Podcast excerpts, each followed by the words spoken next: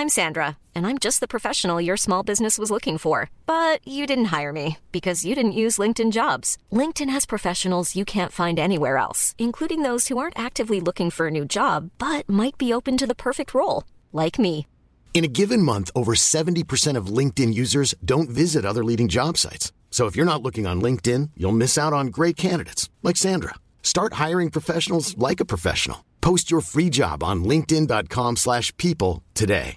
Hey, I'm Ryan Reynolds. Recently, I asked Mint Mobile's legal team if big wireless companies are allowed to raise prices due to inflation. They said yes. And then when I asked if raising prices technically violates those onerous two-year contracts, they said, "What the f*** are you talking about? You insane Hollywood ass." So to recap, we're cutting the price of Mint Unlimited from $30 a month to just $15 a month. Give it a try at mintmobile.com slash switch. $45 upfront for three months plus taxes and fees. Promo rate for new customers for limited time. Unlimited more than 40 gigabytes per month. Slows. Full terms at mintmobile.com.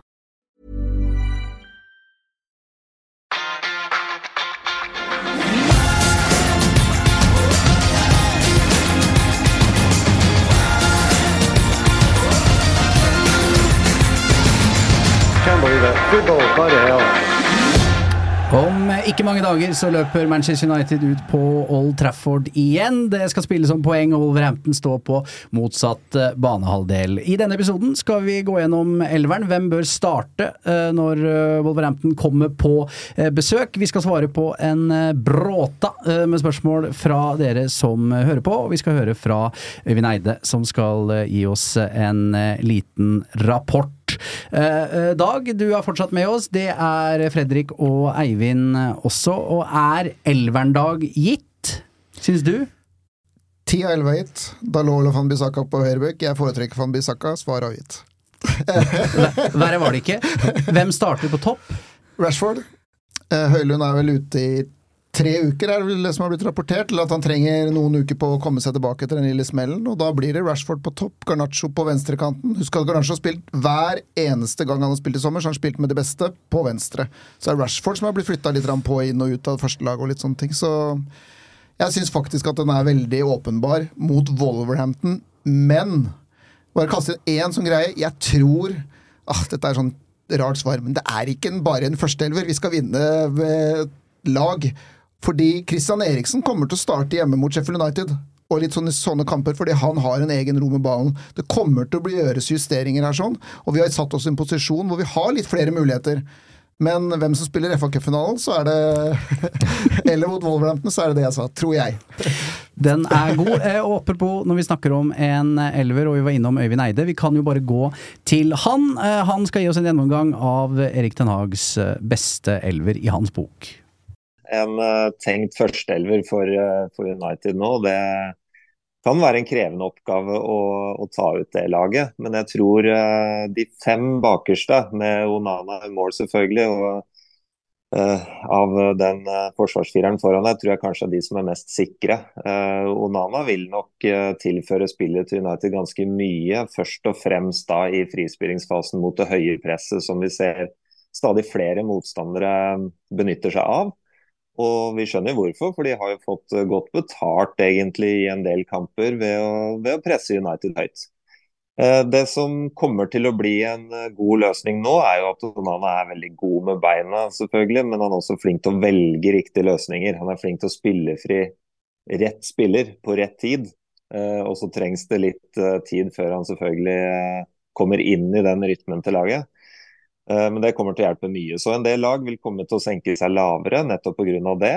Eh, Det som ikke er en bekymring, men som vi må huske litt på, eller som trenerne må huske litt på, det er at eh, målet til motstander står jo ikke på halvdelen til United, det står et godt stykke unna. Sånn at det ikke blir for mye fokus på å spille seg ut mot mot det høye presset til motstander. Det, det er en felle en del lag kan gå i. Så jeg håper ikke United går i den, da. Når det gjelder eh, backleddet til, eh, til United, så er det vel ganske sånn bankers eh, hvem tre av de fire kommer til å være. Det er jo eh, Varan og Martine som blir stoppeparet, og Luke Shaw som spiller venstre back. Og så er jo da utfordringa som eh, sikkert eh, gir Ten Hag litt grå hår, selv om han ikke har så mye hår. så så tenker han nok mye på hva som skjer på høyresiden i Forsvaret. Og det skjønner jeg, fordi at det er, der er det to spillere som uh, egentlig ikke holder det nivået som kanskje burde hvis United skal være i toppen og gå videre i Champions League osv. Um, um, de har to spillere som kommer til å veksle litt ut fra motstander, tenker jeg. Hvor en Van Bissaka er uh, best av de to defensivt og kommer til å spille kanskje mot de beste lagene, mens en Dalot er uh, veldig god offensiv, har litt større svakheter defensivt og kommer kanskje til å spille mot uh, en del av de svakere lagene. Uh, og Så må man se hvem som er i form og sånn, men, men den høyresida det, det gir litt utfordringer for, uh, for Ten Hag. Det, det, tror jeg han tenker en, en, del på, hvordan han skal løse den. Så er det jo inntreden til eh, Mason Mount, som uh, også mange er spent på hvordan kommer til å bli. og Jeg er ganske sikker på at han kommer til å spille i et veldig bra tospann sammen med Casemiro på sentral midtbane. Casemiro han tror jeg overraska mange ved å ha, vise, vise, at han har en ganske god pasningsfot og god forståelse for spillet, i tillegg til ballvinneregenskapene sine. Men vi har sett at på plassen ved siden av så mangler det noe. Og Nå kommer det inn en Mason Mount som har egentlig overblikket og kreativiteten og pasningsspillet som Eriksen viser. Men vi så mot slutten av sesongen i fjor at Eriksen mangler en del på det defensive. Uh, og der har Mason Mount mer å spa på med da, med høyere frekvens og bedre duellkraft, som gjør at det kan bli en uh, veldig spennende duo på, på, midten der. Så er jo da Det neste er jo de uh, fire fremste, da, hvordan de skal, skal settes sammen med en Rasmus Høylund som er kommet nå, og du har jo Mason Mount som kanskje dytter en Eriksen fram i banen. Og så har du jo mange spennende kantspillere da i eh, Rashford og Sancho og Garnaccio og Anthony. Og, ja, det, det, er mange å velge mellom etter hvert. Um, det jeg tror, hvis jeg skal si hva jeg tror vil være det beste, så tipper jeg at det kan være Eriksen som spiller uh, sentralt, altså bak en spiss. Og vil danne en trio egentlig da sammen med Casemiro og Mason Mount. Uh, det vil være en veldig god trio, fordi du får kreativitet og pasningsstyrke sentralt i banen. Eriksen er jo fenomenal til å finne luker og, og, rom der hvor ingen andre ser det. Eh, så der tror jeg han kan passe veldig bra, altså en Eriksen bak, eh, bak en spiss der. Og Det gjør jo at eh, Bruno Fernandes må ut på en kant. Og da tar jo han den, den rolla, det har han gjort før. Og kommer til å løse det veldig bra. Da står det igjen med en spissplass og en, og en kantrolle, og det blir venstre kant. Det kommer til å bli Rashford, hvor han får brukt farten sin og spesielt på kontring osv. Og, så og har også en veldig god relasjon med Luke Shaw. Og så blir det Rasmus Høylund som spiller spiss. Så det, det tror jeg kommer til å være den beste elveren til United. Og så må man se litt motstander osv. Men uh, på den måten så har du i hvert fall de beste spillerne i banen, og de er også i roller som de behersker veldig godt. Så det, det tror jeg kan være en, uh, ja, en god elver for, uh, for Ten Hag. Da. Jeg ser jo at det er en del som sammenligner Høylund med Haaland, og det syns jeg er en litt urettferdig sammenligning, fordi at de er ganske ulike spilletyper, egentlig. Uh, Haaland er jo en spiller som kan ha tolv berøringer i en kamp og står og venter innenfor motstander 16-meter omtrent, mens uh, Høylund er jo i større grad deltakende i det oppbyggende spillet også. Han beveger seg mer og bedre og er flinkere til å holde på ballen, verne om ballen og sette opp andre. Eh, veldig god én mot én og kan skape noe på egen hånd også. Uh, og Det tror jeg er noe som, uh, som Ten Hag har savna litt. At uh, når lag presser høyt f.eks. Mot, mot United, det å kunne spille opp på en spiller som kan holde på den ballen og flytte opp laget etter, det tror jeg er, tror jeg er noe han har savna. Og det kommer de til å få nå. Samtidig så får de en spiller som er flink til å sette opp andre gode posisjoner, dvs. Si nest siste pasning, altså spille ut til noen som kan komme til innlegg f.eks. Og så har han også en veldig god skuddfot, men han har ikke goalgetter-egenskaper på nivå med Haaland. Der er han ikke helt enda.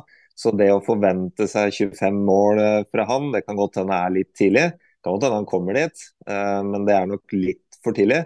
Eh, men de får en spiller nå som er veldig godt bindeledd mellom midtbane og spissleddet, og som også har god evne til å skåre mål. Så må han vokse derfra, men det er absolutt en svært spennende signering. I love this game!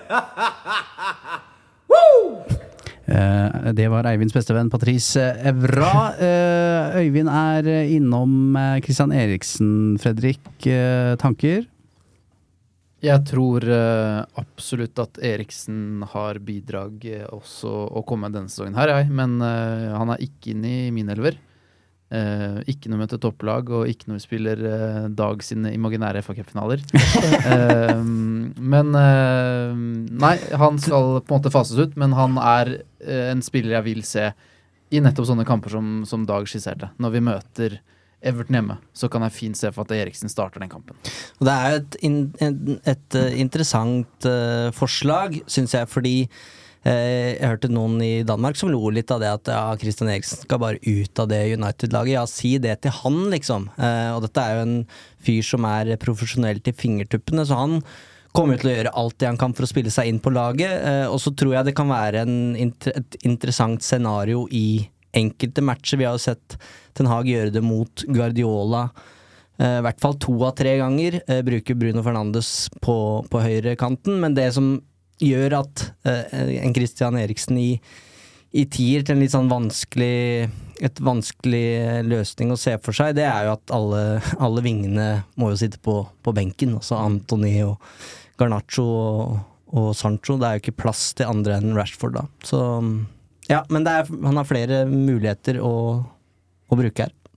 Vi er innom eh, det taktiske, og da Onana signerte for Manchester United, eh, du satte deg ned og så på masse matcher, eh, Dag, fra både tiden i Inter og Ajax, og du fikk stjerner i, i øya, ble blåst av banen. Du kaller den en game changer.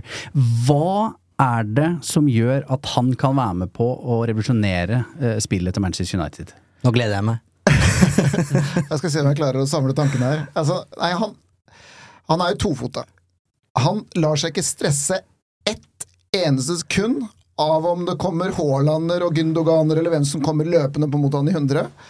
Han står og leker med ballen, han kan behersker alle måter å sparke en ball på. Altså, Om du skal slå med underskru, overskru, hardt, langt, kort Han virker å ta de riktige avgjørelsene stort sett til enhver tid. da. Han er også en god fotballkeeper, for det er en sånn ting som jeg begynte å tenke på. Er jeg så opptatt her at jeg sitter og bare ser på den der Ja, han, han, han kan faktisk redde, og, og en del gode redninger også. og Det så man et par eksempler mot, mot Lansen. Også. Jeg snakker om en veldig god fotballkeeper, som er blant verdens beste, vil jeg si, basert på også det han gjorde med Minter forrige sesong, på det han skal være, være god til. Og så er han en personlighet. Altså Så F Champions League-finalen, som jeg riktignok ikke så live, for det vil jeg unngå, men jeg måtte jo se den når jeg skulle se på Onana. Hvordan han går bort når han får en liten dytt av Haaland på slutten der, hvor han bare tar den duellen. Hvordan våger du? var tilbakemeldingen. Og kan man godt nevne det der med Maguire også før, men poenget er at han tar plass. Og så hva skjedde etter at han fikk urettferdig skyld for det baklengsmålet mot Lance? Hva er det han gjør etterpå da? Han tar skylda. Han tar på seg skylda. skylda. Ja, og det, det, det tar jeg til meg, for det betyr at det er en fyr som tenker på kollektivet der. Han kan bare ta på seg den skylda, han trenger ikke å gi den til Dalot. Dette tar jeg, dette fikser jeg. Du, jeg, jeg beskytter deg. Og det er en fantastisk fyr, tenker jeg, å få inn i gruppa. Og uh, som jeg har sagt eh, det så- kjedsommelige, og det er jo klisjé når Roy Keane sier det, men uh, med lack of characters. Altså det å få inn eh, en, denne, en til da, i denne garderoben, for nå begynner det å bli noen. Altså Du har Bruno Fernandes som står for sitt, du har Casemiro som har vært med på absolutt alt, du har Martinez som er en kriger, og så har du en gærning bak der. Lokalpresset har allerede begynt å trekke paralleller til Petter Schmeichel. Eh, de er, kommer, på samme alder. Eh, men det er noe med å bare gå inn i den United-garderoben og, og kreve eh, plass. Eh, og jeg syns jo David Igea etter hvert blei jo en slags leder i Manchester United, han også. Men blei jo kritisert lenge fordi han ikke snakka engelsk. Eh, ble sendt opp på scenen på et reklameoppdrag i Kina og visste nesten ikke hvordan han skulle svare på de enkle spørsmålene han fikk der. Um, og det er klart, du kan jo eh, ta steg som både menneske og fotballspiller og utvikle deg til å bli en leder, men Onana er det, og han har alltid vært det. Eh, og det er veldig trygt å se. Jeg elsker også at han du, han, han kommer inn der med noe helt nytt, noe vi ikke er vant til å se, men han, Han brifer ikke, men han kan. Han bruker verktøykassa si når han trenger det. Så det er ikke sånn at han Se, se hvor god jeg er til å slå disse linje... Altså pasningene mellom linjene og den lange, flotte langpasninga, eller Han bare Når han trenger det, så gjør han det. Og det er også veldig befriende, den selvtilliten og den roen han har da, på det området der. Fordi jeg hadde kanskje forventa i større grad at han skulle showe litt, men det er jo ikke det vi trenger. Vi trenger bare at han gjør det han er god på, når han trenger det. Men det baklengsmålet var jo Nana sin feil, Fredrik. Gi meg styrke. Uh, jeg, har sett, jeg har sett noen som mener det i fullt alvor, og det Jeg mener at tabba ville vært dersom han sto på streken og plukka den. Da står han 20 meter for lavt. Eh, Så han skal bidra til at United kan stå høyt, stå etter og gjenvinne andre baller og ha en høy forsvarslinje. og den eh, baklengsen er Dalot sin. Men, eh, og jeg har sett også at folk kritiserer Onana for at han tok Maguire, men ikke Dalot. Det handler også om kanskje å lese hvem trenger hva. Hvis han vet at Dalot på ingen måte vokser av å få huden full, så er det riktig å da skåne han for den, da. Mens Maguire, hvis han på en måte vet at Maguire trenger å bli kjefta på, så, så sier jeg ikke at det var riktig måte å ta Maguire på og feil med Dalot, eller motsatt, men, men det det også lese hva hver enkelt spiller faktisk trenger, det er jo en vanvittig styrke, hvis det var derfor han gjorde det som han gjorde, da. Så, bare si en bare sånn ting som jeg syns er utrolig viktig på de der kjøpene, som også da Øyvind har vært inne på her. der. Andre Onana ville virkelig til United. Mason Mount sa nei til Arsenal og Liverpool hvis han kunne gått den veien. Han ville til United. Rasmus Høylund var ikke i tvil, selv ikke når PSG begynte å blande seg opp i her sånn. Du skal ikke undervurdere det. altså Her har vi tre folk som virkelig vil spille for oss. Dette handler ikke om noe lønn eller ikke lønn og hva de får. De vil komme til oss. og da er liksom da bare tar jeg det imot. altså Da er du en av oss nesten med en gang, da, når det er utgangspunktet ditt. Eh, enig. Uh, og det har kommet veldig mange spørsmål. Uh, og Harry Maguire er gjentagende. Det er, det er mange på han. Det er Mats er innom, Erlend er innom. Vi slår det litt sammen, for vi, vi snakka ganske lenge om han i del én. Men Johannes sier noe her. Kanskje United bare skulle godtatt 20 millioner pund likevel? Ja, han, prisen øker jo i hvert fall ikke med tanke på det han har levert i sommer, da. Um, det gjør det vrient for United, det gjør det. For hva er han verdt? Vi har vært innom det tidligere. Snakker du 30-40 millioner pund, eh, så er det, er det bra.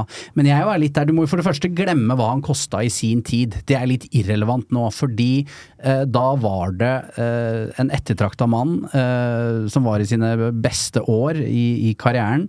Eh, nå har han blitt litt spist opp av Old Trafford. Eh, selvtilliten er totalt ødelagt. Han har mista kapteinspinnet. Statusen hans har jo aldri vært, aldri vært lavere.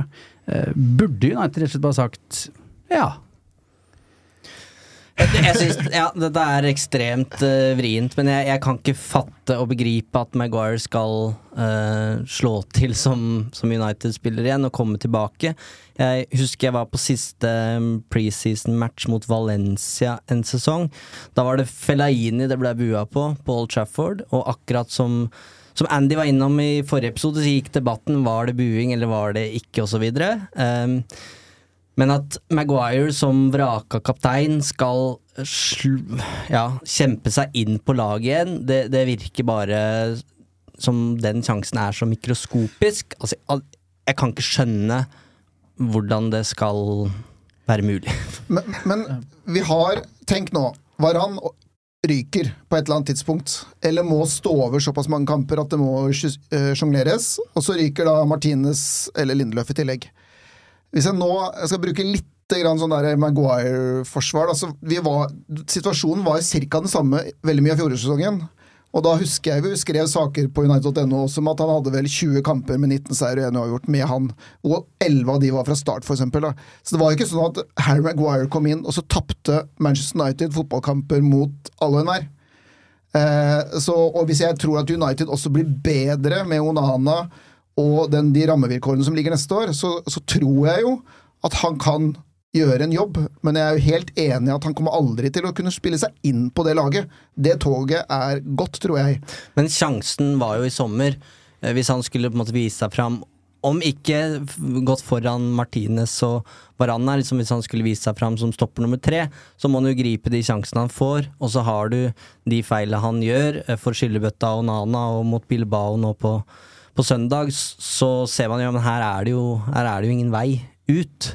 Um, og jeg tror den Altså den massive Det massive sirkuset som Manchester United er, så, så det, er du, det er for mye støy til at du klarer å komme deg unna med det.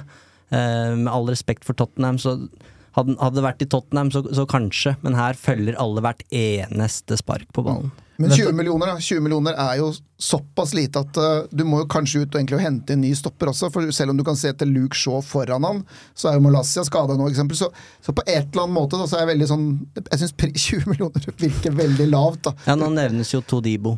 Mm.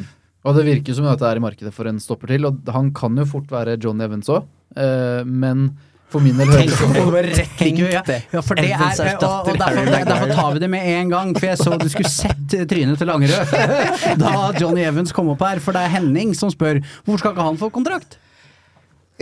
Jeg elsker Johnny Evans. Og, Men her ligger et men, kjenner jeg. men han er Er det 36? Uh, han er ikke god nok, er min mening. Uh, og vi kan ikke gå inn i en sesong hvor vi risikerer at det er han som skal inn for Rafael Varan de gangene han står over, fordi Lindeløf er skada. Eller fordi Malaysia er ute. Så svaret er, er nei. Altså, og da skjønner jeg ikke heller at vi ikke setter oss i en posisjon hvor vi heller har da en, en unggutt. Beklager Johnny Evans, for fantastisk fyr. Har stilt opp for supporterklubben mange ganger. Men eh, vi må på høyere nivå. da. Jeg ser ikke han som et sånt godt alternativ, som en sånn backup-løsning engang. Altså, vi må sikte høyere enn det, da. Altså, dette er ikke Christian Eriksen, liksom. Dette er Ja. Dette er, Har vi blitt litt blinde i sommer? Er det det du tenker? Nei, jeg, av, nei, for, for jeg, nei, altså min tanke da er at hvis du tenker at Johnny Evans er bakerst i køen av alle midtstopperne eh, til Manchester United, eh, på ettårskontrakt, lav lønn, eh, ja vel, har jeg tenkt da. Eh, for det handler jo også om bredde eh, og hoder til slutt. Så eh, som en eh, Det blir jo nesten som å ha Tom Heaton i stallen eh, for meg. Eh, så jeg er eh, Jeg hører hva du sier, og du snakker egentlig fornuftig. Men det er bare et eller annet i meg som ikke syns det høres så riv ruskende dumt ut. Jeg tror det er noen i Manchester United der som er ekstremt opptatt av at arven etter det 2013-laget skal aldri dø. Nå har jo Jones og DG forsvunnet, så da henter vi Han må inn. Johnny Evans inn. Ja, ja, ja. Ja, som type, så jeg tror altså Hvis du begynner å Tom Huddlestone er inne på U21-laget for å på en måte hjelpe de gutta i en prosess som skal mellom U21-nivå og A-nivå. da. Jeg, for meg så er John Evans en, mer en sånn type. Men du kan ikke, John Evans kan ikke, hvis Varan blir skada og Varan selges inn og skal spille 14 kamper i, Premier League for United, det er jeg ganske klar på. Da måtte det vært backup på 2-0 fordi Varan trenger å slippe de siste 20 minuttene. Og jeg, jeg sliter bare med å se hvordan Jeg er ikke overbevist av den sommeren i det hele tatt. Du så den ene kampen nå. Han endte én løpsduell, riktignok mot en god Atletico Bilbao-spiss, men blir jo godt av. Og hadde det vært Harry Maguire som hadde blitt godt av på den banen, øh, på den måten, så hadde vi i hvert fall blitt kaos. Så nei. Your job is to tell the truth. That's your job. Vi var på midtstopperplass, men vi tar en pasning ut til høyrebekken. Fordi det er da denne duellen. Er det Van Bissaka eller er det Dalot? Cornelius spør er det ikke egentlig en ny høyrebekk United trenger? Du spurte jo i forrige episode, hvis vi kan, eh, eller det var en lytter som lurte, da. eh, Hvis vi kan få inn hvem vi vil, hvem ville vi valgt? Eh, Jeg turte ikke å si det, men det er jo på en måte Du tør nå? Ja, jeg prøver meg. Eh, Nei, også Hvis du setter opp elveren, så er jo høyrebekk eh, det svake ledd. Jeg syns det. Det er jo veldig lett å si etter at Van Bissaka gir bort et mål mot Dortmund, og, og Dalot gir bort et mål mot Lance, men uh, Og jeg så også Tyrone Marshall i Manchester Evening News skrev om det samme. At dette fort kan bli hovedprioritet neste, neste sommer. Uh, men jeg kommer fortsatt ikke unna, og jeg veit at jeg er liksom sånn det er så klassisk eh, Det er sånn som du sier Neymar! Altså, du må på en eller annen måte kanskje komme videre og forvente mer, men jeg klarer ikke å slippe at Aron Finn van gikk fra å være ute, helt avskrevet, borte vekk, til og bortimot ble årets sensasjon når han kom tilbake på den måten han gjorde forrige sesong. Så er ikke sluttproduktet der. Diogo Dalot er bedre på det offensive, Skåra mål i USA. Og jeg føler fortsatt at det er muligheter der, da. At, og så er spørsmålet Skal man da ta den der Nå må vi komme oss videre! Neymar! Eller skal vi godkjenne at vi har to høyrebacker som har et stort potensial, og så handler det bare om å vri den skruen enda hardere. Og nå er Mount inne, Onana inne og Høylund inne, og at totalen blir at da kommer de også til å ta steg denne sesongen her. Jeg klarer ikke å slippe på det, beklager. Ja, men jeg, jeg, er enig med, jeg er enig at det kan ikke være prioritet nå. Og så er jeg skeptisk til om det er den duoen som skal på en måte være bra nok på sikt. da. Så spørsmålet er om noen av de kan bli bedre. Ja, jeg mener at dette på en måte er siste sesongen til eh, jeg, En av de kan absolutt bli værende. Jeg tror man får en fin pris når man selger den som ikke overlever. eh, og at du da kan hente en sånn en åpenbar oppgradering, for den tror jeg finnes der ute, uten at jeg har noen navn eh, her og nå. Eh, og så kan den som da blir andrevalget bak den, potensielt utvikle seg og være den konkurransen. Man trenger konkurranse der ute. Eh, og jeg, jeg er enig at hvis du skal begynne å finne de svake leddene i United-stallen, så begynner det å peke seg ganske sånn tydelig ut mot høyrebekken her, da. Men jeg synes at eneste feilen for Musaka har gjort i hele sommer, fra en som har sittet oppe og sett på disse kampene her, er, eh, er at han ga bort pasningen som førte til et baklengsmål i USA. Ellers så syns jeg han har tatt enda mer initiativ og vært enda mer positiv enn forrige sesong. Og det er jo flere løp i bakrom, altså fra høyrebekken i hver kamp. Og det ser jeg for meg er faktisk noe Ten Hag har sagt til han. Der vil jeg at du skal være. Du kan bidra med det, for du har motor nok til å komme deg tilbake igjen. Så Hadde er jo hockeyassist mot uh, Atletic. ikke sant? Så, ja. Ja, For min del så handler jo ikke dette om uh, at begge bekkene våre nå har gitt bort to mål på enkle pasningsfeil som enkelt kan lukes vekk. Det er ikke det det handler om. Og jeg også er veldig begeistra for spesielt utviklinga til Van Bissaka. Den syns jeg er veldig god. Likevel så er det for meg naturlig å være skeptisk til om han kommer til å bli god nok da, på det som han virkelig må levere på. Og sammenlignet med Trent Alexander Arnold, så skal de beste bekkene for de beste laga bidra med målpoeng også, og der er ikke United sine bekker. Nei, og jeg er enig i det, eh, men hvis jeg må velge per nå mellom de to, så sitter jeg på hesten til Van Bissaka. Helt enig. Eh, Fordi jeg må ærlig innrømme at når jeg ser Dalot, så føler jeg ingenting. Jeg er litt sånn flat til han. Altså, innleggsfoten er lei. Mm. og eh, nei, jeg, jeg tror det er mer jus å skvise ut av Van Bissaka, føles det hos meg, enn det er hos Alot. Det er synd at eh, Alvaro Fernandes ikke er høyreback, for det hadde vært eh, en kjempemulighet for han til å spille seg inn på laget her. Mm. Det er en lengre vei med Shaw og Malaysia på, på venstrebekken der. Er svaret her da konklusjon tja? Om United trenger en ny høyrebekk? Ja, altså det er, det er jo en fin duo som du har en som er god defensivt, og en som er bedre offensivt. Men så er vi vel enige om at kvaliteten på de per nå er på en måte ikke ligagullstandard.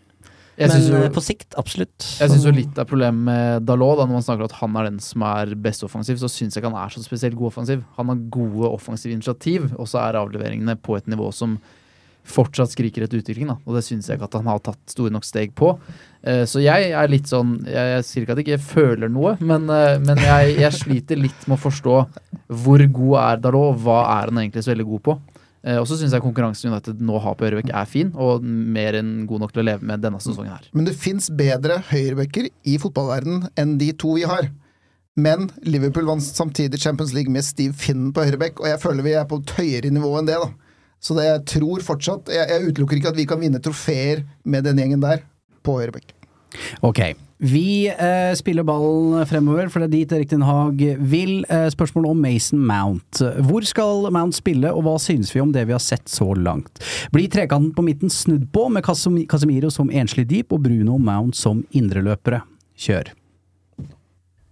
Ehm, jeg har blitt litt forvirra av det jeg har sett så langt i, um, i sommer. Og med Mason syns jeg skal huske på at han kommer jo fra langvarig skadabrekk og egentlig helt i fryseboksen i Chelsea. Så at det skal ta tid for han til å på en måte spille seg i kampform og bli ordentlig god, det, det må han få. Um, Foreløpig er det bidragene hans uten ball jeg også er mest imponert over. Jeg syns ikke han har levert eh, imponerende i preseason i det hele tatt. Eh, det må jeg kunne si. Og det handler heller ikke om at han da bomma på åpent mål mot lands. Det, det har ingenting med det regnestykket her å gjøre.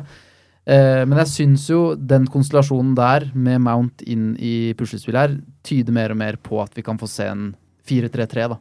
Kontra en 4-2-3-1, som vi, vi har sett. At den trekant på midten blir snudd. Med Casemiro som mer, en, mer enslig svale der, mens Bruno og Mount får utfolde seg offensivt.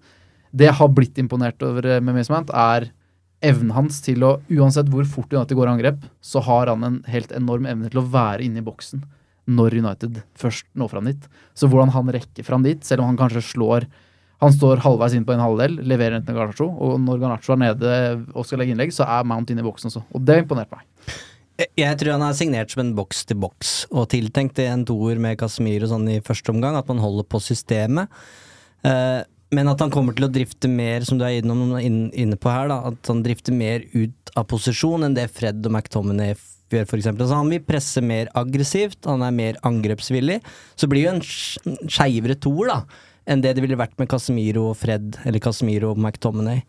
Um, og så tror jeg han også vil kunne vikariere i en tierrolle eller i andre I andre roller, men jeg Jeg sjøl, i hvert fall, etter det jeg har sett i sommer, så er eh, Mount tiltenkt en rein midtbanerolle der, da.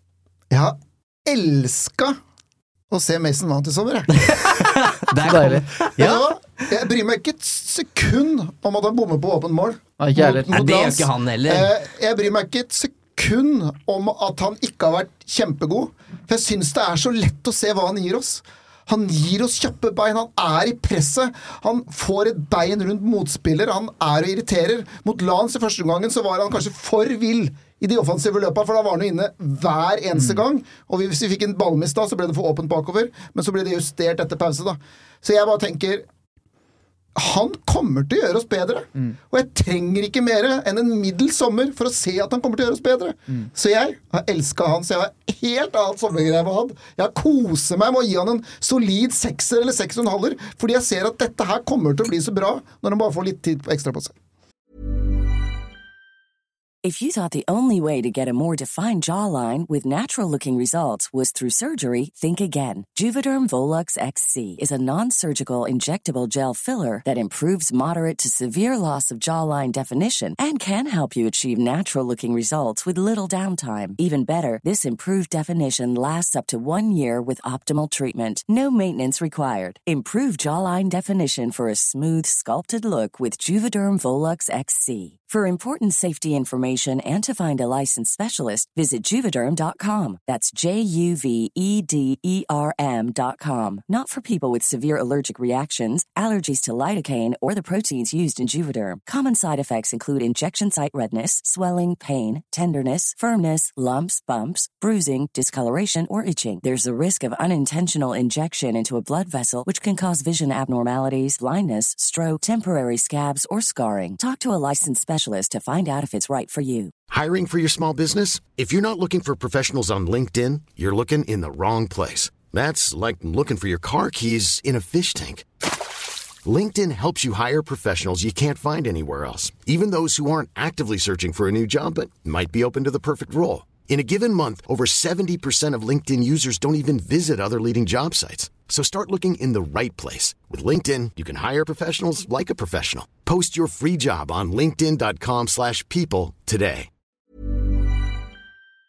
Denne episoden er sponset av Hello Fresh. Nå som det drar seg mot slutten av en lang sesong, trenger vi United-supportere skikkelig næring. Med gode og ferske råvarer fra Norge gjør Hello Fresh det til en lek å lage de herligste retter fra hele verden. Du velger bare hvor mange som skal spise, og hvor mange oppskrifter du ønsker ukentlig. Så får du alle ingrediensene du trenger, levert på døra. Personlig syns jeg det beste med Hello Fresh er at du kan skreddersy din egen ukesmeny. Du kan velge fra fem forskjellige kategorier. Vegetarisk, familievennlig, rask og enkel, fisk og grønnsaker, og smaker fra hele verden. Med 25 fristende oppskrifter hver uke kan du bli like uforutsigbar på kjøkkenet som Garnaccio er på Vingen. Selv må jeg si jeg er spesielt svak for asiatisk taco og den portugisiske kyllingburgeren. Som Uno-lytter kan du få opptil 1779 kroner rabatt på de seks første matkassene dine, og gratis frakt med første leveranse. Så det er bare å komme seg inn på hellofresh.no og bruke koden FRESHUNITED. Dette gjelder for de som ikke har prøvd Hello Fresh ennå, og for de som tidligere har vært kunde, men som har stoppet abonnementet for minst tolv måneder siden. Ja, ja, men jeg er ikke jeg, jeg kan jo ikke den sekser basert på hva han har prestert, men jeg er jo også Jeg føler jo at, egentlig at vi sier mye av det samme, fordi Ja. jeg ser hvor vi kommer, så jeg er ikke bekymra, og jeg syns det er naturlig at han har kommet litt tregt i gang med det jeg forventer at han skal kapabel til å levere av mål og assist og kreativitet med ball. At det har lugga ikke overraskende mye, for én. han har, han har ikke kampform. Han kommer jo rett inn ut, etter å ha vært ute. Uh, så jeg ser også nytten, men jeg er fortsatt forvirra med at United henter han som en klinkmakker til Casemiro, når det egentlig er en helt ny posisjon for Mason Mount. Det er ikke der han spilte og var god i Chelsea ble årets spiller to sesonger på rad. Så jeg er fortsatt usikker på hvordan det kommer til å se ut når alt eh, i Ten system skal sitte, og hvordan Mason Mount behersker den. For du sa selv at han var villmann og løp i angrep hver gang. Og hvis han skal sitte og balansere den midtbanen sammen med Casemiro, så kan han jo ikke gjøre det eh, hver gang heller. Så jeg lurer på hvordan det vil bli seende ut til slutt, og uten at jeg er bekymra for det, så er jeg bare litt forvirra og usikker. Ok. Vi, eh, Garnaccio eh, må diskuteres, skriver Chris. Det er veldig mange som eh, stiller spørsmål om eh, Garnaccio. Hvordan skal vi finne en plass til han? Eivind? Det er mange som har spurt om det her, og jeg tenkte på det sjøl uh, i, i helga. Fordi Garnaccio er såpass god nå at jeg syns han er klink på laget mot Wolverhampton. Men han er jo best ute til venstre, og der uh, finnes det en fyr med nummer ti på drakta fra før. Så hva gjør man når Marcus Rashford og Garnaccio er i knallform begge to, forhåpentligvis, utover høsten her. Og Høylund er tilbake eh, fra skade og skal spille eh, sin del av matchene. Det kan bli hodebry for eh, Ten Hag. Og så er det veldig enkelt å si ja, men du sender jo Garnaccio ut til høyre, han er 18 år, han må tåle det. Men er det én ting vi har lært, så er det jo at det har en del å si hvilken side vingene spiller på. Ja. Ja, men jeg klarer samtidig Jeg mener ikke å være så bekymra over dette. Eh, mest fordi du sier han, han er ung. eh, og litt som Dag har vært inne på tidligere, da var vi innom eh, Declan Rice i, i forrige del her. Altså, du er Skal Manchester United kjempe om disse trofeene, så må du ha så god dekning og sitte med noen luksusproblemer. Det er du helt avhengig av. Eh, og, og Marcus Rashford også trenger jo en eller annen form for konkurranse. Eh, så jeg klarer ikke helt å se minusen her. Og er du god nok, så f- Erik Ten Hag klarer å finne plass til begge. Hvis det, hvis det ender sånn at begge skal starte hver gang, så løser det seg. Altså, Phil Foden skårer hat trick mot oss i fjor, og så forsvinner han ut i to måneder bortimot for City akkurat når jeg putter han inn på fantasy-laget mitt. altså, vi, vi har jo nesten ikke vært i den situasjonen vi i United, for det har liksom vært et elveren. Men her kommer Rashford til å spille 48 av 55 kamper, og så spiller Høylund 35 av øh, 55 kamper, og så spiller Garnaccio 38 av det. Og så er alle sånn noenlunde fornøyd, og hvis alle er i superform, Eivind, så blir det motstander og trening og sånne ting som avgjør, og så kjenner de på konkurranselisten, og det tror jeg de fleste av de lever bra med. Og så må huske på at Garnaccio hadde vel fire kamper fra start, var det forrige sesong. Så han tror jeg, og du ser sommer hvor han sto over mot Dortmund bare for å ta vare på liksom belastninga på han er. Og så jeg, her tipper jeg at dette kommer til å være helt problemfritt nesten sesongen kommer. Selv om det kanskje er vi som kjenner på det, for vi supportere vi skal gjerne vite hva elveren er. og Blir det Garnaccio eller blir det Rashford? Men jeg tror at for, øh, for de som er involvert, så tenker jeg at dette går problemfritt. Ja, For min del så er dette sårt etterlengta, tiltrengt luksusproblem, luksusproblemer. Og så blir dette først et problem dersom Garnaccio får så lite spilletid at man risikerer at den stagnerer. Og så ser ikke jeg på det som en sånn reell bekymring her og nå. Eller enda verre, eh, at han blir misfornøyd. Ja, Nå har han riktignok akkurat signert ny kontrakt, men det betyr jo ikke at den ikke kan selges eh, neste sommer. Nei, vi har, vi har nevnt i episoden, eller vi har nevnt i podkasten her før at han er en eh, utålmodig sjel, og han har utålmodige folk rundt seg også, som ikke nødvendigvis sier at eh, ta det med ro, Mm. din tid kommer, men at din tid burde vært forrige helg. Da skulle du starta i stedet for han som var litt for sein og ikke hadde en god treningsøkt. Så han, han har folk rundt seg her som gjør at han potensielt kan bli veldig utålmodig. Men for United sin del og Ten Hag sin del så er dette et luksusproblem som han bare bør omfavne. Og så er jeg glad for at Høylund-signeringa er en sånn type som gjør at han ikke nødvendigvis skal spille fast og alt hele tiden, som gjør at Rashford kan spille spiss. Nettopp, som, og det tror jeg også er litt av nøkkelen. som gjør at rulleringa blir mer naturlig her, og du får Champions League det, hvor det er gjevt å spille midtuke. Hvor det kan være en arena for andre å hvile på. Eh, og hvis United setter en posisjon der Garnaccio er så god at eh, Rashford blir benka, så er jo det også helt fantastisk. Og han, var- han var iskald, Garnaccio, mot Arsenal i den første kampen. Og så var han veldig god mot uh, en av de få mot Real Madrid, og så var han veldig god mot Lans. Så han har starta tre kamper i sommer, og plutselig så er vi liksom gått fra en som spilte fire kamper forrige sesong, skal liksom starte hver eneste kamp, og det er liksom fantastisk. Så ha litt grann, uh, ro i blodet, og så er det Tenk på at det er veldig tidlig for han, så jeg tror på en måte om han får 25 starter neste sesong, f.eks. Fantastisk utvikling for han. Men hvis han er iskald i en kamp, så skjønner han sikkert også. Og det er lett å argumentere for at han kan stå over neste, da. Men for å snakke litt på vegne av de som har sendt inn spørsmål, da, så tror jeg det handler mest om et ønske om at vi vil se Garnaccio og Rashford i en elver, der begge to får spille i sin optimale rolle. Og per nå så er det vrient, fordi Rashford har sagt til Gary Neville, som vi har sagt her, at han har ikke noe interesse av å spille spiss. Han vil spille på venstrekanten, og det har han jobba for i mange år nå. Mm. I Manchester United, blitt prøvd på høyre, blitt prøvd på, på topp. Han er venstrekant. Og, og Garnaccio har nok um, lignende tanker, vil jeg mistenke. Selv om det kan være at han slår til som, som høyrekant, men jeg vil tro han er best på, på venstre. Men jeg skal beholde ro i blodet. Ja, jeg tror Det du kommer til å stå mest på, er hvis du kommer til en ligacupfinale og en FA-cupfinale og skal avgjøre ligaen mot en sein kamp mot Arsenal. Hvis det blir Rashford foran Garnaccio hver eneste gang, hvordan tåler du den? Mm. Tåler du da at du spiller mot Wolverhampton uh, uka etterpå? Eller må du liksom Hvor lenge orker du de skuffelsene der? De største kampene, når du virkelig drar seg til. Det er kanskje det som er mest spennende, men fortsatt så er han 18 år, altså, og det er sånn der, uansett hvor tøffe og kravstore rådgivere du har, så er det noe på noen ganger så må du liksom se det store bildet. da. Start mot Wolves. Begge to. Ja, vi har snakka om det tidligere i podkasten, at vi kan ikke basere alt vi gjør på forrige match og god prestasjon. At For min del så bør han på en måte ha en ambisjon om å kanskje nærme seg en fast plass innen jul. da. At, at vi, vi, skal ikke være utålmodige, i hvert fall vi, på vegne av en 18-åring som så vidt har spilt fast førstelagsfotball. og han var iskald i første kampen, og da fikk jeg nok av en følelse av at han er ikke klar til å starte ennå. Han skal fortsatt være joker. Og så har han en fantastisk kamp i siste match, og da, da skal han plutselig rett inn og spille fast, Og det er ikke så svart-hvitt, og det må vi passe på at ikke vi bidrar til, for det er ikke sånn det er. Men mest sannsynlig nå, helt i starten, noen, så blir det jo Garnaccio på venstre, Rashford framme, og så er det Høylund som må komme og rokke ved det her. Ved å få disse halvtimene og plutselig være spennende, og kanskje så få slippe til i en litt sånn enklere motstander en gang, mens de andre settes på sida. Så er det han som må forrykke ved Garnaccio og Rashford inne fra start. Og det er jo dette som heter konkurranse, eh, og nå skal du utøve en øvelse om ikke konkurranse. Det er en jingle, Eivind. Uh, I just love United. Vi var ute til venstre, nå skal vi til høyre, fordi Lukas spør hva tenker dere om Antony? Jeg har kjempetroa på han, og det virker som det kommer til å løsne denne sesongen, skriver han. Og jeg sitter jo veldig på Antony-toget. Jeg, jeg, liker han godt. Jeg, jeg, liker tempo, jeg liker måten han vil skyte på, selv om det er frustrerende å se på til tider. Han har et dratetryne på sett og vis som jeg også liker å sette pris på. Uh, han har noe ved seg som jeg er med på. Jeg tror dette her kan bli en god sesong for Antony. Det er litt sånn stjernestøv på han.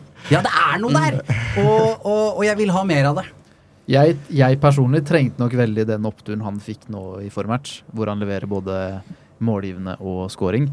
Eh, jeg trengte den fordi jeg, eh, jeg, også, jeg selvfølgelig ser potensialet, og så er jeg nok en som lar meg fortvile litt for ofte av at han han blir, eh, Der han skal løpe fra folk, så blir han tatt igjen, og han trenger fortsatt for mange sjanser før han skårer. Men dette er jo også en spiller i utvikling som jeg tror vi får se en enda bedre sesong fra i år enn vi fikk i fjor. Så jeg, fortsatt, jeg sitter fortsatt tålmodig og fornøyd på toget, jeg. Men jeg, jeg er spent på hvor høyt potensialet hans faktisk er. Det er jeg litt usikker på. Jeg er jo også blant de som uh, kanskje fortviler i litt for stor grad over Spesielt er det når han skyter, velger å liksom ha åtte balltouch, og keeper bare stiller seg borti hjørnet, og så kommer skuddet utafor eller på rett på keeper. Eller når han ikke går på utsiden. Men samtidig så er jeg vokst opp med Drillo, dekka Drillo på landslagsfotball og elsker 4-5-1 og folk som jobber hardt. og Han jobber jo hardt. Han er en personlighet. Han gjør på en måte alt for laget. Han er en fyr du ikke ville møtt i en bakgate i Brasil. da og sånn sett så er han enda en personlighet. Og så er spørsmålet du begynte, Jeg vil at du skal svare på, nesten. For du begynte med Du tror på en god Antony-sesong, men hva er liksom en god Antony-sesong? For det tror jeg det er forskjellige meninger om. Ja, for det, dette er litt som å, eh, når vi får spørsmål om forventningene til United denne sesongen. For hvordan måler du framgang? Altså, mm. og jeg vil se mer stabilitet, jeg, Antony, først og fremst. Altså, vi har sett måten han debuterte på den gangen, når han skårer det målet mot Everton. Jeg vil se mer av det. Eh, og at han er mer eh, ja, kjappere på og, og flinkere og klokere i valgene sine, da, ikke minst. Eh, For han tar jo, gjør jo en del feilvalg, men han er en ganske ung gutt han òg. En prislapp som, som er heavy. Eh, Men jeg klarer ikke å si til deg, Dag, om det er 15 skåringer og, og 12 assist. Det høres bra ut. Ja. det er jo det som må opp. Antall målpoeng, og han skal være på tosifra på, på begge to. Ikke nødvendigvis 20 skåringer eller 20 målgivende, men sånn 10 pluss 10 vil jo være en veldig god Antony. Og det er vel nesten målgivende som har vært problemet. For øh, ok, uh, ok på det ene, men at kanskje det er for lite leveranse på til lagkameratene. da. Eh, så får vi se. Jeg, jeg, jeg, jeg, jeg tenker at United kommer til å bli bedre. Antony kommer til å bli satt opp i flere gode posisjoner, og derfor så blir det bedre også for han enn forrige sesong. Så ok, nå er jeg på Antony og Martin-toget. ja. Yes! Men en som skal kjempe mot uh, Anthony. Eh, eller skal han det? For han har jo fått eh, en ny eh, posisjon i løpet av eh, sommeren. Mostad han spør hva skjer med Sancho? Er denne sesongen avgjørende for hans fremtid? Og da kjører jeg på litt ekstra i det spørsmålet, for hva Hvor skal han spille? Ja, nå har jeg brukt ordet forvirra ganske mange ganger, både i forrige og denne episoden allerede. Men Michael Tørre sitter nå på naborommet og jobber med en sak om hvem som fikk mest spilletid i preseason. Jaden Sancho topper den lista. Og det er åpenbart at Erik Ten liker veldig godt det han er kapabel til å få til i mellomrommet, inne sentralt. Men jeg tror ikke han liker det så godt at han skal spille der i stedet for noen av de andre gutta vi har inne i elveren. Så han er jo en åpenbar spiller som for min del nå ser ut som han han har en definert rolle på benken. Og det er ikke der en spiller som kosta 70 millioner pund skal sitte. Så for min del så tenker jeg at denne sesongen her er hans siste mulighet til å vise at han fortsatt skal spille United. Dette var jo tema på i det sit-down-intervjuet som Ten Hag gjorde med, med de engelske journalistene i USA. Eh, og da sier jo Ten Hag Eller han får spørsmål hva, eh, hvorfor har ikke vi sett Dortmund, Sancho, Paul Trafford? Eh, og han sier jo rett ut at han er uenig i den teorien. Og jeg, sier han, jeg har sett mange Dortmund-kamper med Sancho, og det er, så, det er ikke så stor forskjell på de to utgavene.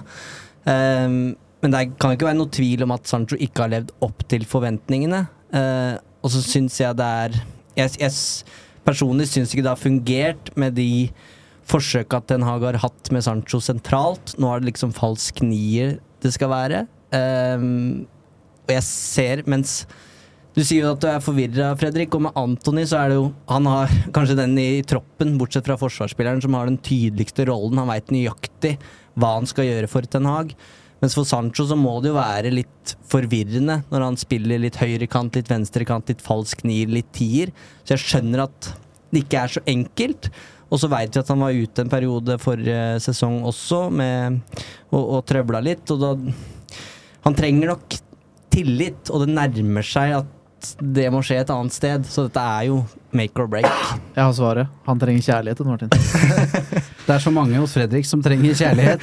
Det er Martial, det er Sancho, og så får vi se, da. Men han har jo hatt en eh, Jeg syns han har sett frisk ut. Jeg syns han ser raskere ut på de første meterne. Jeg syns han ser energisk ut. Så jeg syns jo den utgaven vi har fått av Sancho i Precision har vært oppløftende. Eh, Likevel ikke godt nok til at den er i diskusjonen til å være en startelver for min del. Og så lurer jeg på hvordan man skal tolke det at han har spilt mest, da. Fordi jeg syns ikke det på en måte er utelukkende positivt, og det bør det jo, det bør det egentlig være. At du har nytt i stor tillit i en preseason. Men i og med at den egentlig bare har blitt plassert der du har et hull, du mangler en spiller som kan fylle inn den åpenbare rollen, så liksom, ja, men da setter vi Sancho der, så får han, så får han spille. Altså, det er litt sånn jeg tolka det. Har han jo vært tilgjengelig uten landslagsfotball. Ja. Så Men jeg- hvis jeg kan bare si én ting, da, så nå skal jeg gjenta meg litt. Men jeg elska det jeg har sett på Sancho i sommer! Ja, men jeg syns han har vært bedre enn på noen gang tidligere. Jeg syns han ser så skarp ut i bevegelsene, teknikken og alt sånne ting. Men jeg er jo helt enig. Jeg- Jeg sliter med å se hvor han skal spille. Og det gjør ikke meg egentlig noe, noe veldig mye, fordi han kommer til å være førstereserve bortimot på alle disse offensive rollene, og kan være en sånn game changer hvis du skal endre noe på slutten. Men hvor fornøyd er han selv med å få ti 10 starter og 20 innbytter i ligaen, da. Og kanskje da får han 40 kamper til sammen, men fortsatt så blir det liksom åpenbart at du ikke er der inne. Og nå har vi akkurat snakka om Rashford og Garnaccio, tøff konkurranse. Og selv om nå Sancho har spilt mest og vi virker overbevist over det han har levert i sommer, så aksepterer vi på en måte at ja, han skal ikke starte mot Wolverhampton. Mm. Så hvor lang er ikke da veien inn på førstelaget? Da er det mer enn et godt innhopp mot Wolverhampton og en, en, en, god, eh, en god start mot Nottingham Forest. Det er, det er mange han skal legge bak seg i den køen. Det som er så fascinerende, er at vi sitter her og prater som at vi på en måte vet hva som skal skje, og så er det en, et rødt kort, en, en langvarig skadeavbrekk, som snur opp ned på alt. da. Eh, og plutselig så får du den muligheten ingen så skulle komme, og så er det en helt ny situasjon hvor wow, nå, det, nå, nå må Sancho spille foran både Garnaccio Antony og, og det som er her. Så jeg sier ikke at jeg tror det skjer, men, men så, det har skjedd sykere ting i fotballen enn akkurat det. Ankepunktet, det store ankepunktet mot han, det er at han er så veik i duellene. Han hopper unna, han går ikke og tar ikke den fysiske nærkampen. Og det betyr at jeg langt på vei ikke ønsker han som en av mine elleve menn som skal ut i krigen. da. Og spesielt borte mot Newcastle eller Liverpool og de der kampene som du veit kommer. Og da trenger man andre typer, da, uansett om sommeren har vært bra. Helt enig. Eivind, vi kjører jingle. Veldig fornøyd. Forrige episode så fikk jeg bare én jingle. Det tror jeg er bunnotering.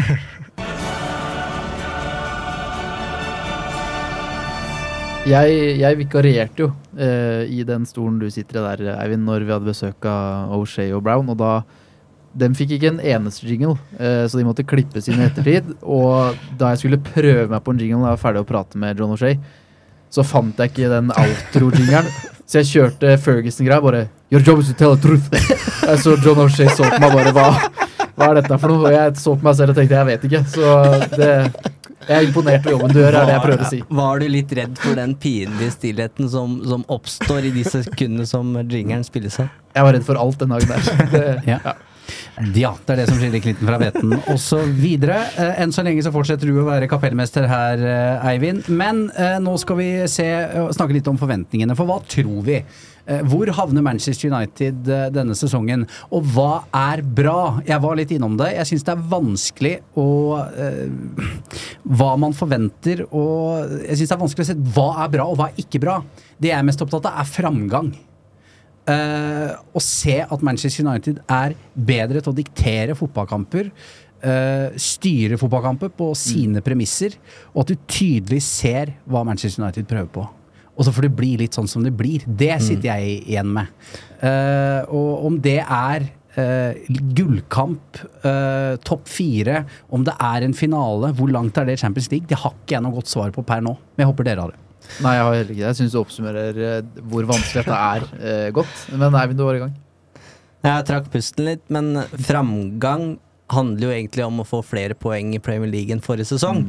Og redusere avstanden til Manchester City, som var 14 poeng. Hvis vi antar at de eh, også nå vil ta sin, sin fjerde tittel. Og da mener jeg det åpenbare hullet der, eller i den bollen som United kan hente flere poeng, det er jo bortematchene mot eh, lag på øvre del av tabellen. Det er et kjedelig svar, da. Vi, vi må jo komme med et ordentlig tabelltips her etter hvert, men, men det er jo framgang. Vi må jo inn i topp eh, Vi må til Champions League neste år, og jeg syns også det skal være Uansett hvor mange gode andre lag det er, så skal vi inn i Champions League neste år.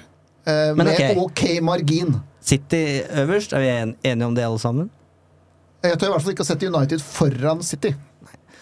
Og da er det jo, å hjelpe meg, fem andre lag som også skal inn i miksen her og kjempe synes, om topp fire. Ja, eh, jeg, eh, Liverpool kommer til å være bedre enn de var eh, forrige sesong. Men de gjelder bak United. Men Ja, ja, ja, ja jo, jeg, per nå eh, så, så vil jeg sette Manchester United foran Liverpool Enig. på mitt tabelltips. Helt enig. Eh, men jeg syns det- jeg er ikke uenig. Jeg ikke uenig. Jeg syns det er utrolig vanskelig å vite hvor Chelsea er i denne miksen. Eh, det, det, det Jeg tror de er utafor. Tror du det er utenfor topp? Jeg tror de blir bedre, men ikke så mye bedre. Men det er jo også derfor dette er så himla vanskelig øvelse da, å skulle sette opp det tipset. Fordi ja, Chelsea blir bedre, men hvor mye bedre kan de bli? Men du er i gang, Martin. Manchester City, Arsenal, Manchester United, Liverpool, Newcastle, Chelsea. Tottenham. Nei. Helt Jeg- utafor, de. Jeg har Eneste forskjellen fra meg fra deg er at jeg har Newcastle foran Liverpool. Ja. Men eh, husk også at det ikke nødvendigvis bare gjelder topp fire. Det er jo topp fem som antakeligvis kommer til Champions League. Ja. Men det her er jo det, det er en litt sånn absurd situasjon å være i, fordi Ten Hag har på en måte gjort seg selv en bjørnetjeneste her. Ved å lede laget sitt til tredjeplass og to finaler hvor du vinner den ene i sin første sesong. Det er en, det er en kjempesesong. Og hvis United leverer det igjen, så er det en ny kjempesesong. Og det skal mye til for at United spiller to finaler, og den topp tre-plasseringa er også knalltøff. Så hvordan skal man måle det, og skal det begynne å bli misnøye da, hvis det blir ingen finaler og tredjeplass i år, for da er det null framgang å spore. Det er jo sånn veldig mange fungerer. Mens vi ønsker egentlig å måle framgangen i noe helt annet. For United kan i teorien havne på fjerdeplass, de, med høyere poengsum enn de da fikk i år, fordi konkurransen blir enda sterkere i år. Mm. Er det da framgang? Det, ikke sant? H- Ja, ja, men det er, det er derfor det er så jeg-. Det, er, det er det jeg sier innledningsvis, da. Det er at uh, hvis vi begynner å tenke oss om, og da vi satt på Wembley og så den ligacupfinalen som jeg ikke gir meg på, når du så hvor slitne den gjengen her var, ikke sant. Uh, som Dag var inne på tidligere, når du så uh, Guardiola, Klopp, at det er, det belastning å spille under disse managerne, og det er det også med Ten Hag. At de står i distansen bedre, da. Og at, at, de, eh, at de ikke blir sånn uh, lappeteppe og halte seg over en målstrek, sånn som det ble til slutt. At det er mer stabilt, at du uh, ikke sitter med høye skuldre hver gang. Eh, og jeg tror faktisk Nå, nå løfta de seg jo mesterlig etter den uh, marerittstarten i fjor med Brentford og det som verre var. Men at United bare kan gå ut mot Wolverhampton, og så ser du at Yes! Her. Dette er et eh, sesong to med Erik Den Haag. Det vil jeg se. Ja, for det du ikke ser i historiebøkene, som vil, vil vise eh, tredjeplass og trofé, det er jo den følelsen som vi satt med i mai, at eh, her er en del gule flagg som må adresseres i sommer. Eh, så stabilitet over en hel sesong vil jo være føles veldig godt. Samtidig så spiller det en, ingen rolle, da, hvis United havner utenfor fem, hvis det er det som er eh, Champions League-terskelen neste sesong. Ja, For det er jo eh, det som er viktig. Champions League må Å holde seg der nå, det er det mål nummer én. For det er jo dette her, ikke sant. At du målet, en forventning er at United skal komme til en kvartfinale i Champions League. Uh, Men så leverer du et strålende gruppespill, men likevel så møter du da Real Madrid i første runde. Hva, uh, og, og så taper du hederlig. Altså Hvordan skal du sette det opp mot uh, å komme seg til en semifinale etter å ha slått Porto og Benfica? Altså Det er så vanskelig, da. jeg, jeg, jeg setter Jeg forventer ikke gullkamp. Så jeg har lagt det til side. Og da blir det et sånt, litt sånn halvkjedelig som du også er inne på, at det handler om at jeg vil se fortsatt fremgang. da. Og det han leverte på i fjor, det var at vi så at vi kunne slå alle de beste. Og så er det som du er inne på, vi var jo ikke gode borte. Vi hadde vel én seier borte mot 12, topp tolv, på tabellen. Eh, vi ble pissa på, for å bruke det uttrykket, mot eh, Vi slapp inn 13 mål borte mot Liverpool og City. Vi ble overkjørt borte mot Newcastle, og dette er ting som må bli bedre. Men det er ting jeg er litt usikker på vil bli bedre. For vi ser fortsatt disse feil, feila som fører til baklengsmål. Jeg er fortsatt usikker på hvor mye er Ten Hag villig til å gå på akkord med sin egen plan når det kommer til disse kampene her. For jeg ser også Tom Heaton sa i et intervju i helga nå at nei, han vil at du skal spille på samme måte hele tida uansett. Og hvis ikke du tar hensyn, så er jeg litt usikker på om vi er gode nok. Og jeg syns fortsatt at troppen vår er litt tynnere, som jeg var inne på med Casemiro, Bruno og Rashford annet, som kan bli skada, enn de andre. Men hvis vi da kjører gjennom denne sesongen her, har fått to sommervinduer, fått, nå er det seks spillere på det laget der som er kun Ten Hags folk, og vi kommer da gjennom denne sesongen her, enkelt inn, enkelt inn i topp fire eller fem, ny Champions League, så vil jeg si at det er bra. Antageligvis. For, det, jeg tror ikke at vi bare plutselig bare kollapser spillemessig. Vi ser hva vi vil, og hvis det bare fortsetter, så vil jeg være fornøyd. Og jeg kommer ikke til å ta dem på at det ikke blir gullkamp, men jeg kommer til å ta dem hvis de begynner å rote som de ikke helt har gjort mot et del dårligere lag. Hvis de fortsetter å ikke ta hensyn eller bare ryker stygt, da kommer jeg til å bli forbanna. Jeg forventer at ting blir bedre på en del områder. Og så betyr ikke det at vi ikke kan tape 5-0 mot Liverpool eller City fordi det bare plutselig kollapser igjen. Men jeg forventer færre av dem. Jeg forventer læring. Jeg forventer at vi har, i sesong to med han har samme utvikling som det for de fleste andre gode managere. At du bare ser at det blir mye bedre, da. Hvis dette skjer, så får vi sende deg til den United-garderoben, tror jeg. Så får du kjøre en reprise på den talen her. Da blir det orden i sakene. Og hva er din følelse nå? Du skal få siste ord i dag, faktisk. Kan jeg, få, Nei, å, ja, ja, ja. Kan, kan jeg bare så en usikkerhet før Fredrik får siste ord? Ja, akkurat det jeg vil ha nå. Nei, jeg, jeg bare Noe jeg har gått og tenkt litt på i sommer, eh, rundt dette med forventninger og et prosjekt som utvilsomt er på veldig riktig vei. Um, og det er egentlig tror jeg min eneste bekymring, for jeg tror det blir veldig bra med sesong to uh, med en Erik Den Haag. Men han har blitt vår frelser. Um, og hva skjer? Hva er Manchester United nå uten Erik Den Haag? Jeg får litt Ferguson-vibber.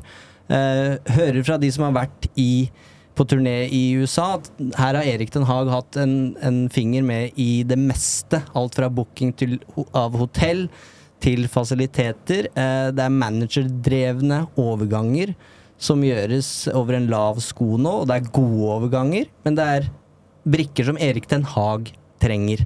Det er et oppkjøp her som fortsatt ikke er avklart. Jeg er så spent på hvordan det kommer til å spille ut i løpet av høsten. Eh, og ikke hørt noe, bare for å si det, om at Erik Den Haag vurderer nå å forsvinne. Men eh, det fins et eh, potensielt utfall her hvor Erik Den Haag vil være ønska på Santiago Bernabeu eller Camp Nou, og United-bila peker feil vei av, av ulike årsaker. Um, og da er jeg litt spent, fordi nå gir vi manageren ekstremt stor makt, og det har han gjort seg fortjent til, og alle står bak det. Men jeg syns det er verdt å tenke litt over hva gutta dine, Jon Martin, gjør hvis Ten Hag forsvinner og Murto og Fletcher skal begynne å bygge på nytt. Uff, det, Men vi tar kanskje ikke det nå! og, og hva skjer om det faktisk vi svikter i forhold til topp fire-fem og ender i Conference League? Jeg mener fortsatt at man må stå i det. Det er mitt utgangspunkt her. altså så Med mindre han drar frivillig, så er ikke dette noe sånn derre make or break for Erik Ten Hag. Nå skal vi, må vi kjøre på med det, men nå har vi valgt en linje. Nå har vi valgt en rød tråd. Altså Det er bare viktig å få frem at det er ikke sånn manageren skal ut nå for enhver Da må det være et eller annet totalkollaps som ingen kan se noe jeg snakker ikke om svake resultater, for jeg tror han tåler mer enn veldig mange andre managere i Premier League nå. Men at han blir misfornøyd med situasjonen på Old Trafford. Og derfor går. Fredrik, eh, du kom med litt uh, Ja, takk. den eh, oppgaven her fort litt Ja, antidepressiva her, uh, her på slutten. Snakk om å bli serva på åpent Ja, mål. ja, ja, ja. Og da gjør du som Mason Mount. Skyt meg dere på Ja, ja. Helt riktig. Gi oss litt kjærlighet. Uh, nei, jeg syns at uh, fundamentet og grunnlaget til Naga har eh, bygd, er såpass bra at uh, jeg føler meg trygg på at bunnivået vil være så mye høyere enn det har vært tidligere.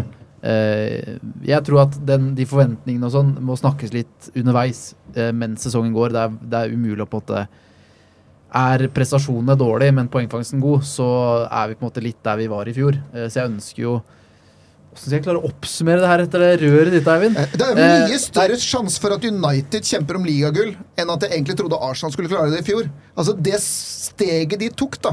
Jeg blir mindre overraska om United tar det, enn jeg faktisk ble at Arteta plutselig gjorde det i fjor. Ja, Takk, men- Dag. ja.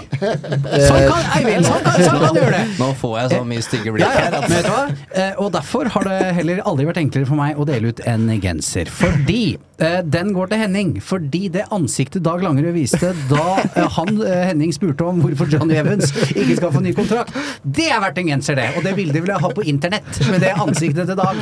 Eh, så eh, gratulerer, Henning. Du stikker av gårde med en ganske raff Uno hoodie. Fortsett eh, å sende oss inn spørsmål, så skal vi spare etter beste evne fremover. Og så håper jeg vi samles igjen eh, etter Wolverhampton med tre poeng og en god opplevelse. Takk for at du har hørt på.